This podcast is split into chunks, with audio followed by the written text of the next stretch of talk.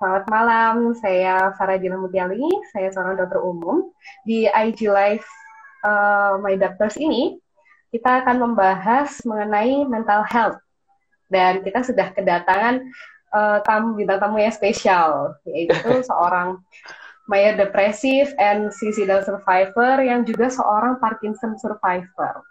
Nah, Mas Argia, mungkin bisa kenalan terlebih dahulu, Mas. Oke, halo semuanya teman-teman, selamat malam. Semoga hari ini kabarnya baik-baik ya. Nah, biasanya kan gitu kalau ditanya kabarnya baik atau enggak, jawabannya baik gitu. Ya, semoga tetap baik terus gitu ya.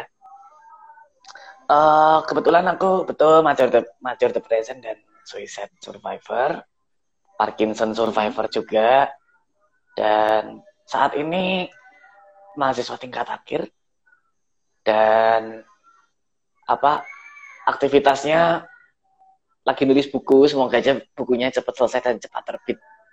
Mohon doanya. Wah, keren keren. Sama, Berarti ini sambil ya. uh, sambil bikin buku, sambil menyelesaikan tugas akhir juga ya, Mas? Yo, eh, disambi, disambi, sama sekaligus. Bukunya udah jadi, cuma tinggal dikit-dikit aja. Wah, keren. Oke. Okay. Uh, sebagai pembuka, sebagai pembuka mungkin masih banyak yang belum tahu mengenai Parkinson ya. Uh, Parkinson ini adalah gangguan pada sistem saraf, sistem saraf yang terjadi secara progresif dan mempengaruhi pergerakan tubuh. Yeah. Biasanya uh, penyebabnya ini masih belum diketahui ya Mas ya sampai saat yeah. ini, namun dicurigai uh, adanya faktor genetik dan faktor lingkungan merupakan faktor yang paling berpengaruh gejala-gejalanya ada singkatannya itu ya trap ya, betul. itu ya jebakan ya trap mm -hmm. singkatannya di situ trap ya trap yang pertama T tremor dan tremornya ya. ini khas pada saat istirahat ya ya betul kemudian saat ada istirahat. rigidity akinesia postural instability dan semua gejala-gejala tersebut timbulnya secara progresif yang ya. makin lama makin memburuk ya mas ya betul, nah betul, betul. untuk untuk kasusnya Mas Arja ini merupakan kasus yang unik sebenarnya karena biasanya Parkinson ini terjadi pada usia yang lanjut, tapi pada kasus Mas Arja um, terjadi pada usia muda. Nah, bisa diceritakan. Oh ya, saya belum bilang terima kasih juga ya Mas ya sudah hadir di sini mau bagi cerita sama bersama-sama supaya uh, mengerti gimana perjuangannya sambil belajar bareng di sini. Oke. Okay. Okay. Jadi mungkin bisa diceritakan dari mana dari ya? awal awal mula mungkin dari awal mula tahu kalau uh, itu merupakan Parkinson gimana di usia berapa? Oke, jadi pada waktu itu uh, apa namanya dari temennya sebenarnya gejala itu udah muncul dari lama banget sih dari SMA mungkin SMA akhir. Tuh sebenarnya udah kayak notice kepada ini ya diri sendiri.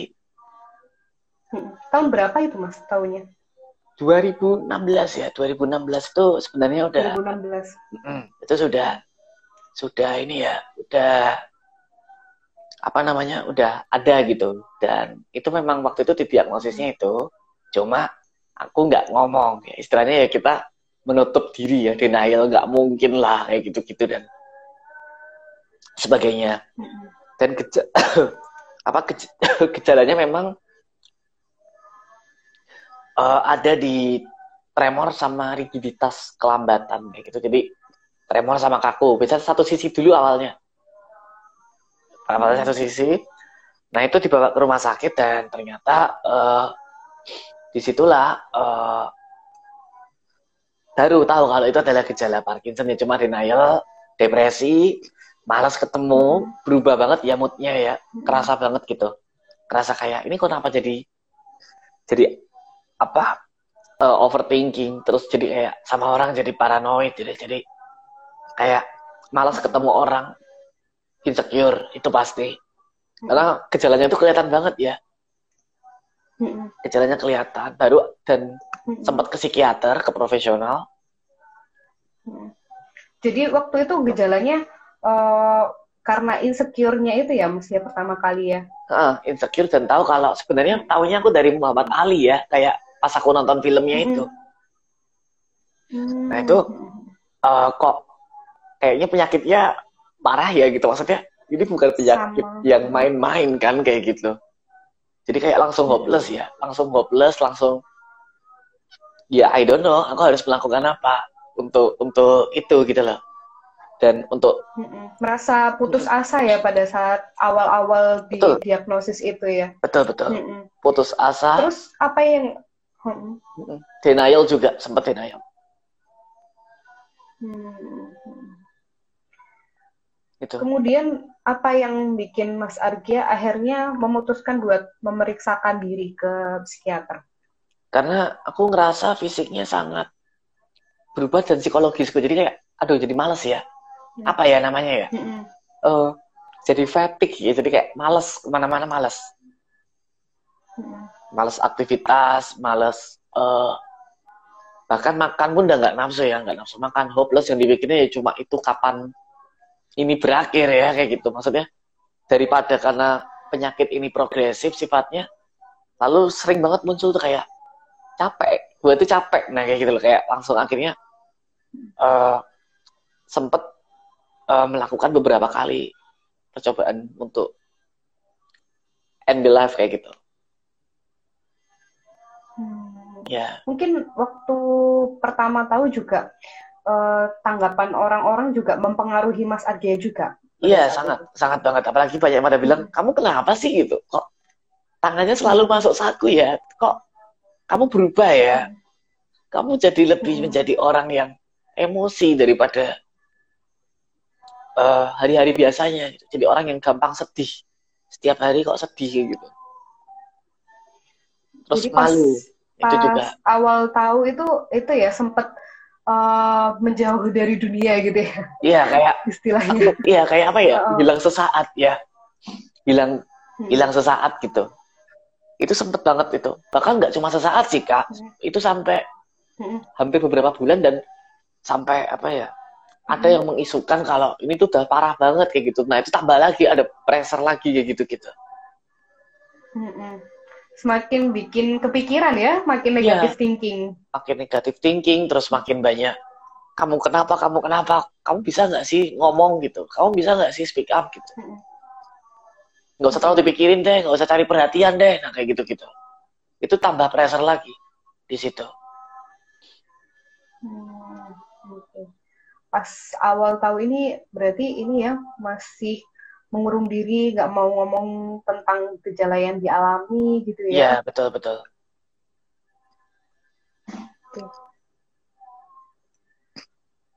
Reaksi orang-orang terdekat pada saat tahu gimana, Mas? Oh ya, sebelumnya kalau misalnya ada yang mau tanya bisa langsung di kolom komentar ya. Oh, iya, Nanti bener, saya bener, bacakan. Bener. Boleh kok tanya-tanya, boleh boleh. Oke. Gimana reaksi orang-orang terdekat pada saat itu, Mas? Pada saat ini awal tahu kena Parkinson atau? Mm -hmm.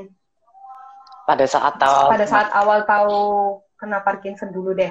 Oh, kalau pada saat Parkinson kaget ya, kaget itu kaget banget dan teman-teman hmm. itu malah pada nggak nyangka, teman-teman nggak nyangka akan hmm. akan sampai ke sana gitu.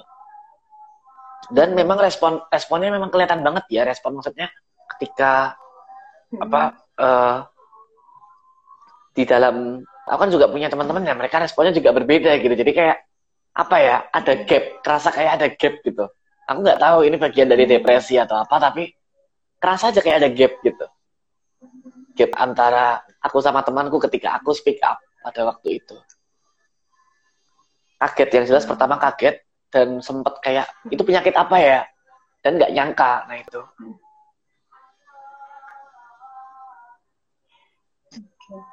Pada saat uh, Mas Argi akhirnya uh, memeriksakan diri ke psikiater, kemudian uh, terdiagnosis sebagai uh, mengalami depresi, bagaimana reaksi Mas Argi pada saat itu, Mas?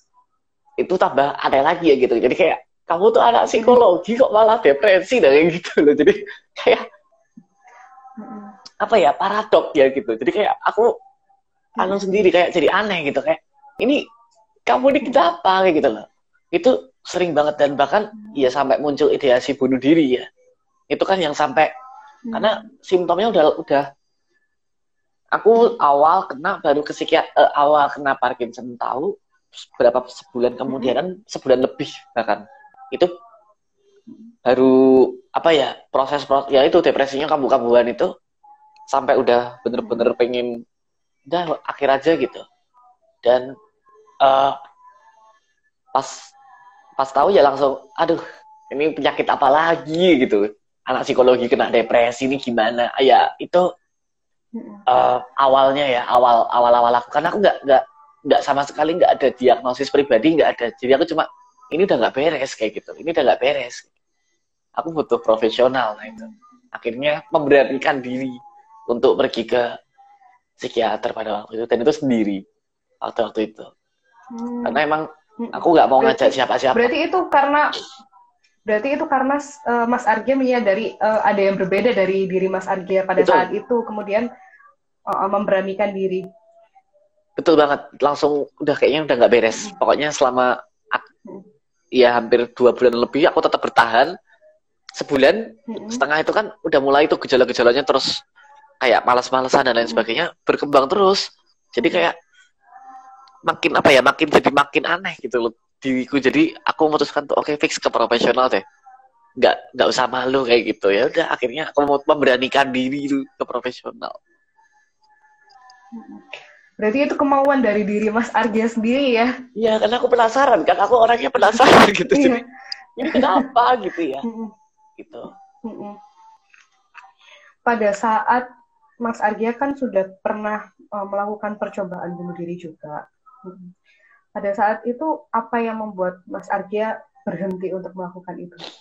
Ah, ini agak unik sih. Jadi uh, sebenarnya itu karena temanku. Hmm. Jadi uh, aku selalu ingat banget temanku memiliki ya some problem juga. Dan ya waktu itu sebelum aku merencanakan itu, meren itu bukan merencanakan sih. Apa ya maksudnya? Melakukan itu dia tuh cerita gitu. Dia cerita ke ke ke aku sendiri uh, kalau hmm. apa namanya uh,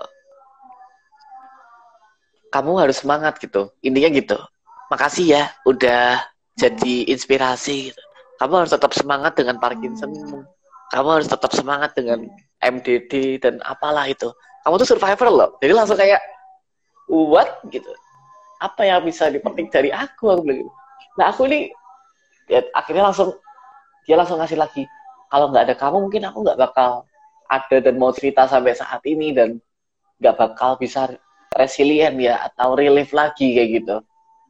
Hmm. Nah itu yang yang apa namanya yang yang bikin ini sih bikin apa namanya bikin mak gitu. lagi. Uh, jadi kayak ketampar bayangannya sendiri gitu. Kita ini sama-sama lagi butuh butuh apa ya istilahnya lagi sama-sama cuntel tiba-tiba uh, ada yang bilang gitu tuh jadi kayak eh bangun bangun kamu kenapa ini kayak gitu jadi kayak ayo nggak boleh kayak gitu gitu. Jadi ya udah jadi kayak bayangannya kita ketampar sendiri gitu akhirnya.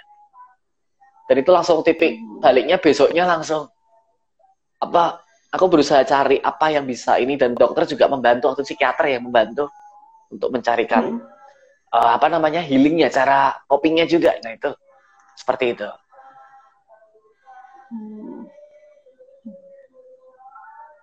Mungkin bisa diceritakan Mas Argia, copingnya pada saat itu yang dilakukan Mas Argia apa saja? Kalau coping pada waktu itu aku tuh senang uh, apa namanya uh, ini uh, apa ya bahasanya apa sih kalau kita nulis cerita tuh lupa aku diary. Nah aku tuh sering banget nulis kayak gitu. itu aku aku sering oh. sering dan aku suka nulis pada waktu itu. Terus hmm. kemudian uh, dengerin musik dengerin musik hmm. sama apa biasanya aku sih kayak nonton film-film motivasi sama baca buku. Aku tuh paling seneng banget baca buku yang apa ya entah bentuknya tuh kasus gitu. Jadi kayak misalnya contohnya bukunya Sibil psikologi ya, bukunya Sibil, bukunya Abraham Maslow yang buku-buku psikologi yang ada kasus-kasus. Aku seneng banget. Hmm. Model-modelnya kayak cerita gitu. Jadi dunia Sophie yang bukunya setebel yang tebelnya nauzubillah itu kan. Juga aku juga sudah baca itu itu salah satu coping dan itu uh, bisa dilakukan. Dan untuk aku pribadi itu sangat membantu banget. Kayak gitu. Sangat membantu. Sampai sekarang sih itu. Sampai sekarang tetap dilakukan ya sampai sekarang tetap oh iya sampai sampai sekarang juga bikin buku itu ya? Iya itu jadi kayak inspirasi dari situ langsung kan oke okay. uh, setelah memeriksakan diri ke psikiater dan sudah terdiagnosis mengalami depresi, eh, orang-orang terdekat bagaimana mas pada saat itu? Uh, mereka Tahu. ada uh, ada ada sisi positif, ada sisi negatif yang jelas. Jadi pada waktu aku benar-benar kena dan aku fix aku mengumumkan kalau aku kena MDD major depressive disorder mm. dan ya mm.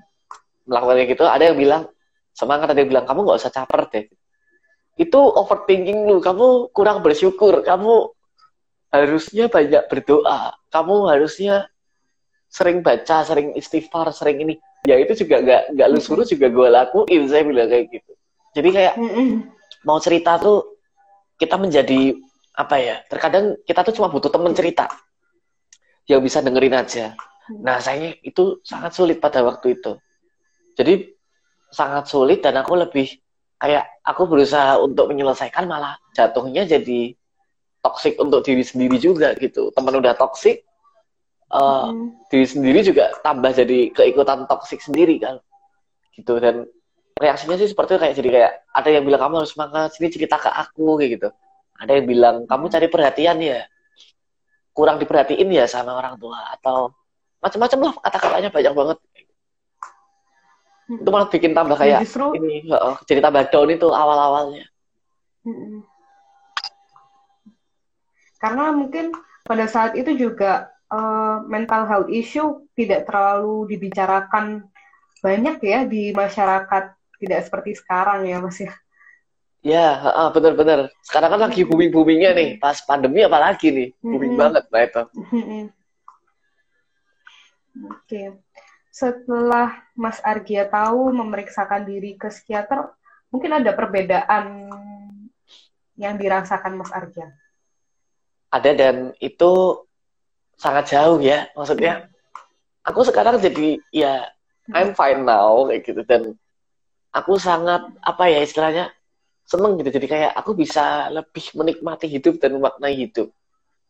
Untuk saat ini, hmm. aku kan juga apa ya sering ke coffee shop, sering ikut forum-forum dan dan ke coffee shop itu aku buat circle baru. Jadi ya mungkin untuk beberapa teman-teman yang kayak pernah aku tiba-tiba langsung meninggalkan gitu ya berarti mungkin uh, bukan maksud aku untuk ninggalin tapi ya karena ada beberapa kata-kata yang dia ucapin tuh nggak pas kayak gitu. Jadi kesannya kan toxic. Jadi kalau toxic aku langsung tinggalin, cari circle baru. Kita aku kayak gitu dan jauh lebih better banget. Apalagi dibantu psikiater, psikiater kayak ayo terus lagi ini bagus kayak gitu ya.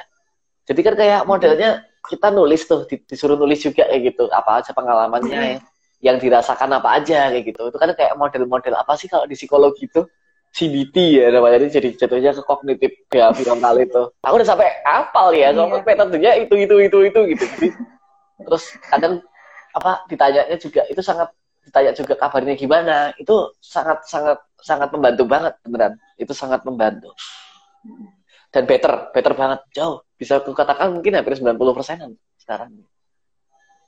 Wah, ba banyak banget ya mas perbaikannya setelah memeriksakan diri ke psikiater. Iya, benar-benar. Jadi ada telinga yang mau hmm. dengerin cerita gitu, walaupun nanti ya ujung-ujungnya juga hmm. ada ada obat gitu. Nah, aku kayak bosan minum obat pun juga kadang dibantu oleh psikiater untuk kayak motivasi lagi, di, didorong lagi gitu. Kadang hmm. ada cerita juga mungkin ke psikolog kayak gitu ada. Aku pernah cerita juga dan ya ada beberapa yang masih belum paham tentang Parkinson disease. Ya aku juga berusaha menjelaskan se apa yang aku rasakan dan pengetahuan yang aku dapatkan hmm. ya. Baru mereka jadi kayak sama-sama diskus dan belajar juga gitu. jadi jadi saling belajar juga kan kayak gitu. Iya benar-benar. Kalau uh, sekarang kan Mas Argia uh, sering banget ya podcast, yeah. kemudian IG Live juga. Yeah. Gitu. Apa yang membuat Mas Argia uh, dari yang dulu awalnya uh, mengalami kondisi yang seperti itu sampai sekarang sudah uh, malah speak up, kemudian jadi motivator juga. Apa yang mendorong Mas Mas Arya? Uh, yang mendorong aku itu tadi salah satunya adalah temanku. Temanku. Terus kedua hmm. support keluarga. Dan ternyata keluargaku baik-baik saja dan menganggap aku ya, ya udah kamu tuh orang yang yang argia biasanya gitu. Atau yang bayu biasanya gitu. Jadi kalau aku juga nggak tahu sih. Jadi uh, teman-teman bisa panggil argia atau panggil bayu. Jadi dua nama itu yang sering banget disebut gitu. Terus jadinya uh, apa ya itu sangat sangat men, ini banget sih mendorong banget di situ pada waktu itu dan lingkungan-lingkungan juga ini uh, mendorong juga kayak uh, thanks ya udah selalu ada. Maksudnya mm. mau mendengarkan ceritaku kayak gitu. Jadi orang juga bisa cerita ke aku dan aku juga berusaha untuk mendengarkan apa yang mereka atau membaca apa yang mereka ceritakan gitu.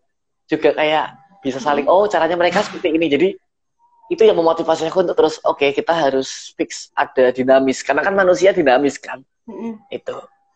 Mm kayak gitu sih. Mas Arja ini ada pertanyaan juga. Hmm, dari Instagramnya namanya Gifmar. Izin bertanya, bagaimana kakak menghandle fase depresi ketika itu datang? Mungkin bisa diceritakan. Oke, okay, kalau aku, uh, karena aku itu orangnya suka ini ya, suka jalan-jalan. Dan aku tuh orang itu nggak bisa diem dari dulu. Dan apa namanya untuk menghandlenya adalah biasanya aku langsung pasang headset pasang headset pergi hmm. pergi ke suatu tempat atau coffee shop yang belum pernah orang itu kenal sama aku jadi aku di situ duduk sendiri hmm. duduk sendiri nyetel musik yang paling kusukain pada waktu itu itu sama kalau misalnya bener-bener sampai udah cun apa ya buka tadi ada yang tanya cuntul artinya apa? Cuntul itu apa ya? Udah penuh gitu loh pikirnya udah bundet udah ruwet ya udah udah kayak rel kereta api gitu. Jadi ruwet gitu kayak benang benang layangan tuh. Biasanya kalau aku uh, aku ngerekam suaraku sendiri. Nah ngerekam rekam hmm. suaraku. Nah rekam rekam suaraku itu nanti uh, aku akan buat itu ke, ke podcast jadi apa sih yang aku rasakan dan aku mengulang-ulang itu juga itu aku dapat insight sendiri karena kan sebenarnya aku kita kan orang datang ke orang lain itu kan sebenarnya untuk mencari kayak solusi.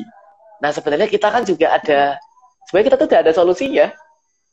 Cuma kayak buntu, hmm. kayak buntu gitu. Jadi kayak, jadi kalau di psikiater tuh kadang cuma kayak diajak-ajak cerita, tahu-tahu udah mau insight sendiri. Oh iya, oh aha gitu. Jadi kayak, ya udah, it's okay gitu. Dan ambil akhirnya, jalan ya mas ya? Hmm, sama jalan, ya ke coffee shop. Nah biasanya kalau di coffee shop, hmm. aku duduknya kalau menyendiri, kalau pengen sendiri ya mojo kalau enggak aku kalau pengen aku sendirian dan aku bisa berinteraksi pelan-pelan aku duduknya dekat bar hmm. yang buat kopi itu nah aku duduk di situ iseng-iseng tanya kayak gitu iseng-iseng tanya-tanya kopi itu seperti apa hmm. kayak gitu-gitu pecinta kopi ini mas Sergei. kopi di aku jadi kalau yang di Jogja boleh loh kalau mau kopi ngopi-ngopi bareng ngobrol boleh boleh. Kurang lebih kayak gitu dan akhirnya dapat dapat support baru juga kayak gitu. Oke. Mas Argia, um, ada pertanyaan juga. Bagaimana uh, untuk speak up mengenai kondisi mental health issue ini? Saat kita dijudge juga mungkin oleh orang-orang sekitar. Kalau aku pada waktu speak up memang itu apa ya kayak bingungi ya maksudnya dalam artian kayak bingungin sendiri di akunya gitu jadi kayak ngomong nggak ya hmm. kalau aku ditanya aku harus ngomong apa nah itu itu pertama kali itu juga pertama kali ketika hmm. mau speak up dan akhirnya aku baca satu buku juga hmm. dan didorong oleh temanku. Jadi aku baca satu buku itu bukunya itu uh, agak ini sih agak mungkin teman-teman yang udah pernah baca bukunya Nietzsche beliau tuh filsafat banget ya dan beliau agak uh, menjurus ke kiri gitu. Tapi yang kita ambil yang positifnya ya maksudnya positifnya. Nah di situ tuh dia bilang ada yang istilahnya kamu tuh ya kamu adalah kamu kayak gitu loh bukan kamu orang lain kayak gitu. Jadi kamu yang ngerasain ketika kamu memang harus ngomong ya kamu harus ngomong kayak gitu. Apa yang kamu rasakan gitu. Enggak ya enggak. Ya yang enggak. Akhirnya aku memutuskan oke okay, dari situ ditanya kamu kenapa? Aku lagi tidak baik-baik aja. Gitu. kok kamu lagi sering kayak gitu? Dan aku langsung jawab aku tuh kena mayor depressive disorder. Gitu. Dan aku langsung ngomong kayak gitu di depan waktu itu depan forum karena waktu itu aku diem. Banyak kan diem. Diem lagi kayak nggak mau ngomong males gitu ya. Baru ngomong speak up dan satu lagi yang bikin kuat adalah temanku. Dan temanku bilang setiap kita speak up setiap kita apa berusaha untuk ngobrol atau menceritakan kondisi kita pasti ada konsekuensi positif dan negatif. Nah itu harus kita terima. Dan itu udah kayak jadi untuk sekarang ini udah jadi kayak apa ya udah jadi kayak ya udah ini fase ini fase fase fasenya lagi lagi depresi ya. Oke ketika ada omongan orang lain yang nyelekit oke okay lah. Nangis nggak apa-apa lagi sebel bete nggak apa-apa harus tapi diterima ya. harus diterima tapi aku nggak lama gitu. Dan itu malah aku jadiin tempaan lagi. Jadi aku semakin kuat dan semakin ini gitu. Jadi kayak aku dilihatin orang lain misalnya dulunya insecure langsung nggak pede langsung anjlok. Karena sekarang aku udah udah bisa baca lebih lebih luas mengenai MDD cara manage-nya dan dari psikiater ataupun teman psikolog dia bisa membantu. Dari situlah aku tarik langsung tarik garis ini ya garis garis garis tengahnya atau, atau benang merahnya ya oke. Okay. aku jadi menempatkan diriku juga ya aku seperti ini gitu. Dan ketika menjadi pusat perhatian ya aku nggak tahu sih ini bener apa enggak cuma aku menempatkan diriku sebagai artis jadi ya udah mereka belum tahu gitu. Jadi aku pede-pede aja duduk di tengah saja gitu sekarang ya is oke. Okay. nggak masalah sih kayak gitu dan tentunya itu memerlukan proses yang panjang ya mas ya? Iya panjang banget Dari itu Padahal aku juga baru-baru tuh. lalu. Baru-baru -hmm. itu yang jadi artis tuh. Aku kan sering banget diliatin orang ya terus -hmm. kayak langsung ngeliatin -hmm. ya biasanya kuliatin balik kayak gitu. Jadi kayak apa? Kuliatin gitu kayak oh kayak gitu kayak iya mas kayak gitu tak sapa-sapa. Iya kayak gitu-gitu. Ya kan dia aja jadi malu sendiri kalau ngeliatin sama mungkin ngomong-ngomonginnya jadi kayak malu kan kayak gitu Uh, mungkin di sekitar Mas Arya sendiri masih ada ya stigma stigma-stigma dari orang-orang sekitar juga yang menggampangkan mengenai mental health issue ini. Kadang-kadang menganggap bahwa hal itu juga berlebihan. Ini ada yeah. pertanyaan. Kalau misalnya lingkungan tidak mendukung, bagaimana Mas? Misalnya masih pada lingkungan yang masih percaya kalau depresi itu karena kiriman ilmu hitam. Gitu Nah, itu agak beda sih. Aku dulu juga pernah dapat kayak gitu ya, kebetulan. Dan hmm. aku menjelaskannya begini. Uh, harusnya kalau uh, itu ada kiriman ilmu hitam berarti aku ada masalah kayak gitu. Aku ada ada masalah. Nah masalahnya dari mana? Kita kan nggak tahu. Jadi tak balikkan lagi. Di aku bisa gitu ya kalau dulu waktu itu ngomong sama keluarga. Hmm. Ada masalah apa di Anda? Nah kalau ilmu aku nggak merasa ada masalah. Kenapa kok di Anda ada ada ada masalah kah? Ya kalau mereka enggak, lah berarti siapa dong yang masalah? Lah aku merasa nggak ada masalah dengan kayak gitu gitu dan aku pun juga udah sholat, aku pun juga udah ibadah misalnya. Harusnya secara hilang dong harusnya ya kalau pakai logika kasar kan kayak gitu logika kasar ya. Nah, jadi tapi lama kelamaan mereka kan bertanya gitu. Jadi mereka mikir juga kalau kalau di tempatku seperti itu. Mereka akan berpikir berpikir dan akhirnya sampai kayak oh iya gue lagi ngopo sih? Kakean pikiran po? Kebanyakan pikiran kah? Lagi suntuk kah? Dan aku jawabnya iya. Kalau aku ditanya kayak gitu aku langsung jawab iya. Dan di situ nanti pelan pelan sih sebenarnya. Emang nggak nggak bisa langsung. Emang nggak bisa langsung banget. Aku tuh perlu waktu proses ya mas ya? satu tahun aku kayak gitu tuh sama lingkungan di sini. Setahun setahun lebih. Hmm itu baru mereka baru bisa oh iya ya ini gitu. Apalagi dengan ya mohon maaf mungkin yang teman-teman yang yang kuliah atau menempuh studinya di bidangnya kesehatan. Wah itu udah pasti mosok dokter hmm. depresi mosok psikolog depresi kayak gitu. Kan ada ya gitu padahal padahal semua itu bisa menyerang pada siapa saja gitu iya ya. bisa bisa menyerang pada siapa aja gitu. Kadang aku balik sih gitu lah kamu ngerasa gimana kesel aku tuh capek sebel. Nah itu yang aku rasain. Aku beli gitu jadi aku lagi tidak baik-baik aja gitu. Kurang lebihnya kayak gitu sih.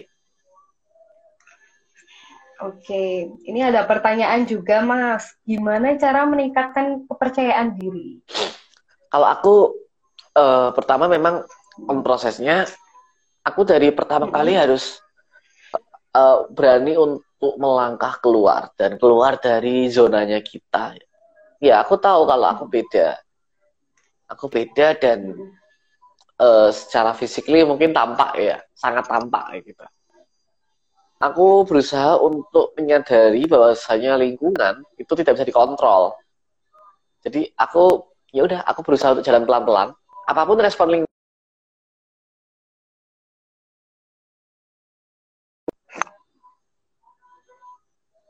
namanya akunya sendiri gitu. Aku berusaha untuk tetap ada stay dalam posisi uh, baik ya. Dalam artian aku berada dalam posisiku yang sangat baik. Ya udah aku nikmatin dan sadari posisi itu aku baik. Mm-hmm. Itu aku yang kulakukan seperti itu. Dan itu sangat membantu di aku, itu sangat membantu. Mm-hmm. Dan oke, okay, ya udah aku duduk di sini aja. Biarin tuh orang mau uh, megang apa? Megang apa namanya? mau ngeliat aku pegang kertas tremor atau mau ngapa-ngapain, mm-hmm. aku sih udah nggak peduli ya.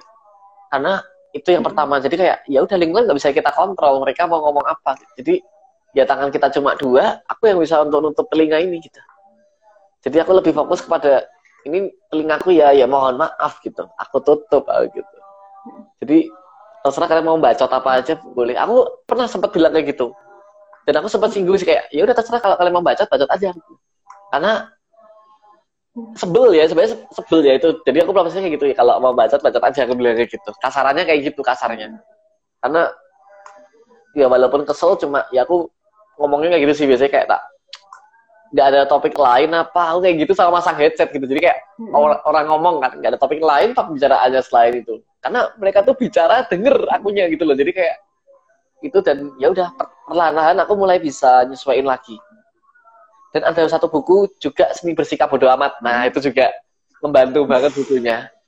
Terus ya tadi aku mulai mengubah mindsetku ya. Kalau aku diperhatiin berarti aku aku menjadi artis di tempat baru intinya gitu. Jadi anggap aja mereka tuh nggak tahu dan aku yang mengerti gitu. kayak gitu sih Mas Arga ini ada pertanyaan lagi boleh. Berapa lama Mas Argi membutuhkan waktu bisa speak up sejak didiagnosa Parkinson? Dua tahun lebih, dikit. Dua tahun lebih. Dua tahun lebih. Mungkin proses yang panjang ya Mas ya. Iya panjang banget itu udah, udah kayak roller coaster ya naik gitu turun muter-muter ke sana gitu, udah kayak jalan di ini, jalan di apa?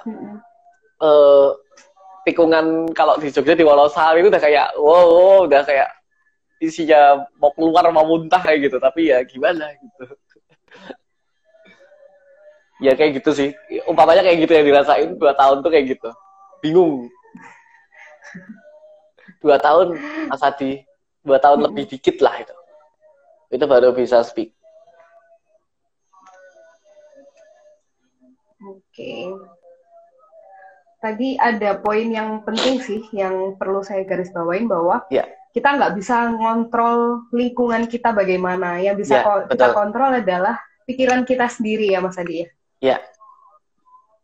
Hmm. Kemudian kalau misalnya uh, ini dari sisi Mas Ad, uh, Mas Argia, uh, kalau misalnya Mas Argia ini berada di kondisi yang dulu kan pernah melakukan percobaan bunuh diri. Sebenarnya pada saat uh, kondisi seperti itu, apa sih yang bisa dilakukan orang lain untuk membantu? Uh, apa yang bisa orang lain lakukan? Uh, kalau dari sudut pandangku, hmm. jangan hmm. ditinggalkan, hmm.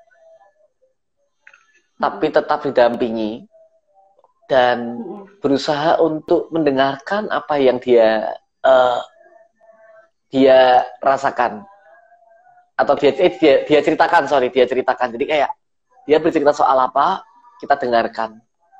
Karena ini tadi kalau aku sendiri merasakan dari sudut pandangku loh ya ketika orang mau uh, bercerita dan dia udah buka A itu aja itu udah tandanya berarti dia hmm. memberikan kepercayaan. Lalu kalau kalau hmm. cara seperti itu ya udah dengarkan terima aja ceritanya. Walaupun mungkin kayak kayak apa ya kayak uh, intinya mungkin kok ceritanya rumit gitu ya dengerin aja mau hmm. nangis biarin aja nangis apalagi nangisnya kadang hmm. di depan kita gitu kayak aku bingung aku susah kayak gitu aku kayak gini gini gini hmm. ikutin aja dulu itu menurutku adalah bentuk terbaik mendengarkan dan hmm. ketika uh, emang udah sangat urgen bawa aja ke profesional. Ya minimal kalau misalnya udah sangat mohon maaf ya udah sampai benar-benar melakukan mungkin ya dan itu menimbulkan luka itu ya segera aja dibawa ke apa gawat darurat gitu ya untuk mendapatkan uh, pertolongan, pertolongan. segera ya. Ya gitu. Okay untuk Mas Arya sendiri, ya. ini ada pertanyaan lagi. Boleh. Gimana cara mengatasi Parkinson dikala uh, sedang depresinya ini sedang muncul? Kalau mengatasi Parkinsonnya, kalau depresinya muncul, uh, aku karena aku tuh juga tadi ya suka baca buku ya, aku lebih ke aktivitas di mana yang aku bisa masih bisa lakukan cerita, baca buku. Nah, cerita tuh tambahan ya, tambahan cerita gitu. Jadi aku tuh hmm. ya tadi cerita keluar ke coffee shop hmm. yang nggak ada orang kenal. Terus habis itu baca buku, self journaling. Aku berusaha untuk itu sih.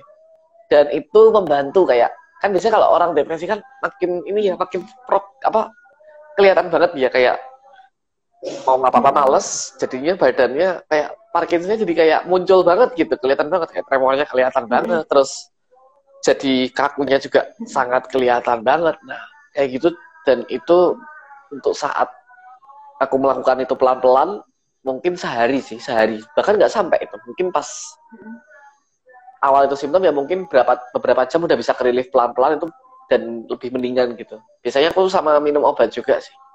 Habis pas kayak gitu minum obat aku relief pelan-pelan. Kalau enggak ya misalnya udah bener-bener sumpah banget ya aku aku ini ya aku tinggal untuk tidur atau menjamkan mata gitu. Istilahnya kayak mindfulness ya belajar dengerin musik yang aku dengerin musiknya musik yang ini ya yang klasik sama uh, kayak musik meditasi yang ada air netes, ikan, apa kemudian air kayak gitu-gitu ya. Suara hujan. Ya, uh, wah itu the best banget sih, uh, itu the best banget itu kadang iya. apa nggak kerasa tuh air matanya netes sendiri terus jadi kayak oke okay, be positif mm. ya. Setiap tetesan air mata tuh mengandung hal positif sebenarnya. Nah itu. Jadi aku mulai ke situ untuk mengarahkan supaya aku nggak nggak begitu kelihatan banget gejala Parkinson ya kayak gitu. Nggak begitu ini banget lah lebih menonjol kayak gitu. Kalau aku sih kayak gitu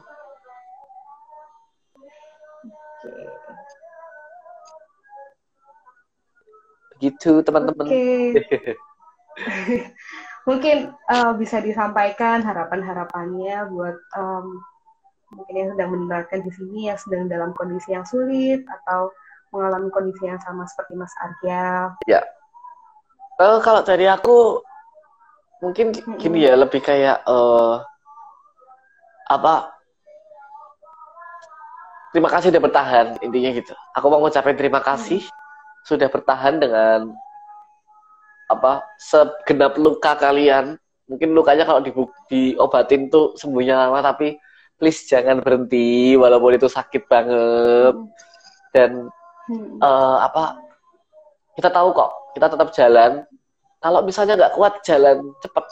Jalanlah pelan-pelan setiap langkah walaupun itu sakit siapa tahu di ujung sana ada obatnya loh nanti dan kita kan nggak tahu siapa yang di ujung tengah tiba-tiba yang menyodorkan obat dan luka bisa sembuh. Nah, jadi harapannya itu lebih kita bisa memaknai diri kita bahwasanya kita berhak untuk tidak baik-baik aja dan kita berhak juga untuk mengatakan kalau kita tuh lagi nggak baik gitu. kita manusia bukan robot nah itu ya jadi sadari emosi tapi jangan sampai mengganggu relasi dengan orang lain kayak gitu. Dan berusaha untuk bisa mencari coping positif. Gitu. Atau strategi yang bagus untuk menghiling emosi-emosi negatif kayaknya kalau aku. Kalau dalam uh, kasusnya Mas Argia mungkin Mas Argia sukanya jalan eh, jalan-jalan dulu, yeah. cari udara segar, ke cari coffee angin. shop coffee shop gitu ya, cari angin gitu ya. Iya. Oke, sebagai last statement, yeah. uh, depresi ini mental health issue yang perlu diatasi ya. Betul. Melalui Betul. berbagai pendekatan, bisa melalui uh, sisi psikologis, ekonomis, sosial budaya, yang termasuk yeah. juga dari sisi agama. Depresi yang berat itu juga bisa mengarah ke pikiran-pikiran untuk bunuh diri, bahkan percobaan untuk melakukan bunuh diri. Nah, untuk melawan pikiran-pikiran itu uh, perlu proses yang yeah. panjang, ya Mas ya. Kalau untuk kasusnya Mas Arja ini mungkin butuh waktu dua tahun lebih ya Mas ya. Iya, dua tahun lebih. Dan juga, dan juga yang penting adalah pendampingan dari orang-orang sekitar, orang-orang terdekat Iya, sebagai support sistemnya ya. Khususnya pada saat mengalami saat-saat yang berat, karena justru di saat-saat seperti itu sebenarnya hal-hal yang sederhana seperti meluangkan waktu untuk mendengarkan, yeah. uh, atau juga meluangkan waktu sebentar dan mungkin memberikan physical attack, uh, physical affection seperti memberikan yeah. pelukan dan kalimat Betul. kalimat ajaib bahwa kamu tidak sendiri itu akan meringankan beban seseorang yang berada dalam kondisi tersebut ya. Bener banget, kerasa banget, betul. Dan jangan lupa berterima kasih sama diri sendiri juga. Mm -hmm.